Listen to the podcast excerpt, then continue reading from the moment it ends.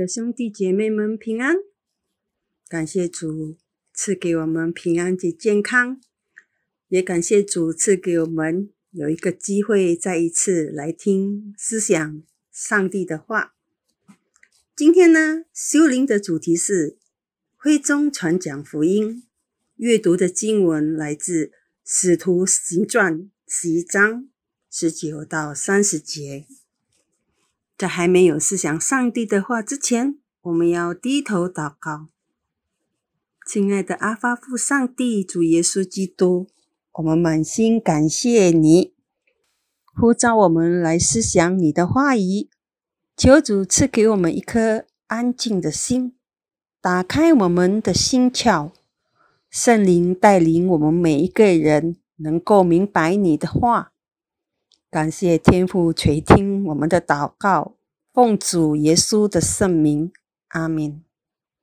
主内兄弟姐妹们，传福音是使徒和普通信徒之间的合作，而传福音的推动者和带领者是圣灵。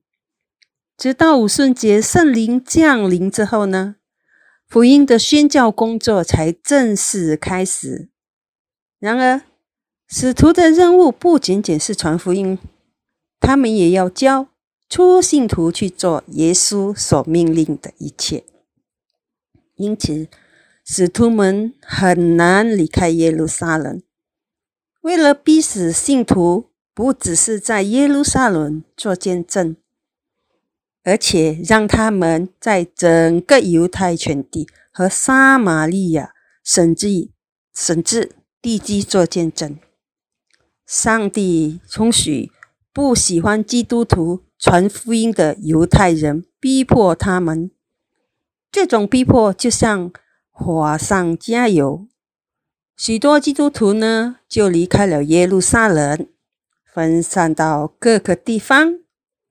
他们不让自己被恐惧感受控制，无论到哪里，他们都把福音传出来。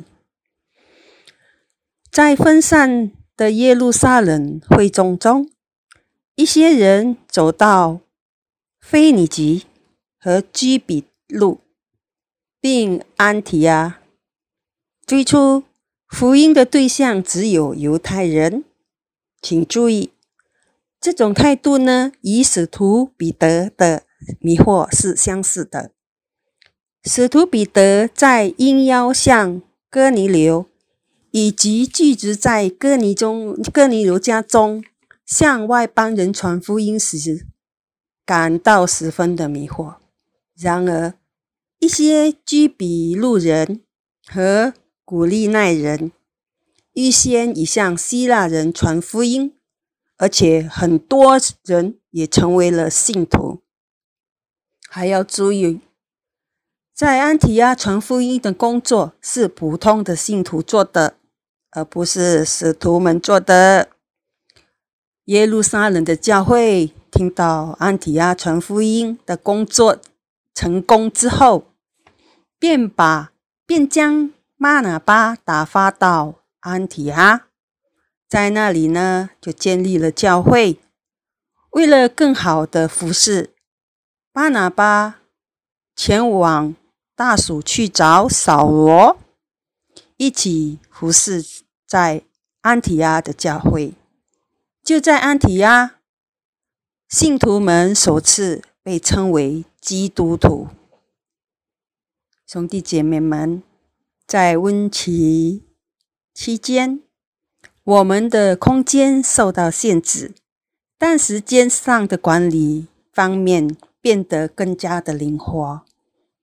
每个教会的会员可以克制。传传讲福音，你是否愿意效法起初的教会，并使用任何机会传讲福音呢？是否为上帝做了见证，把上帝的爱活出来，让更多的人认识主耶稣基督，让更多的人得到救赎呢？愿主帮助我们。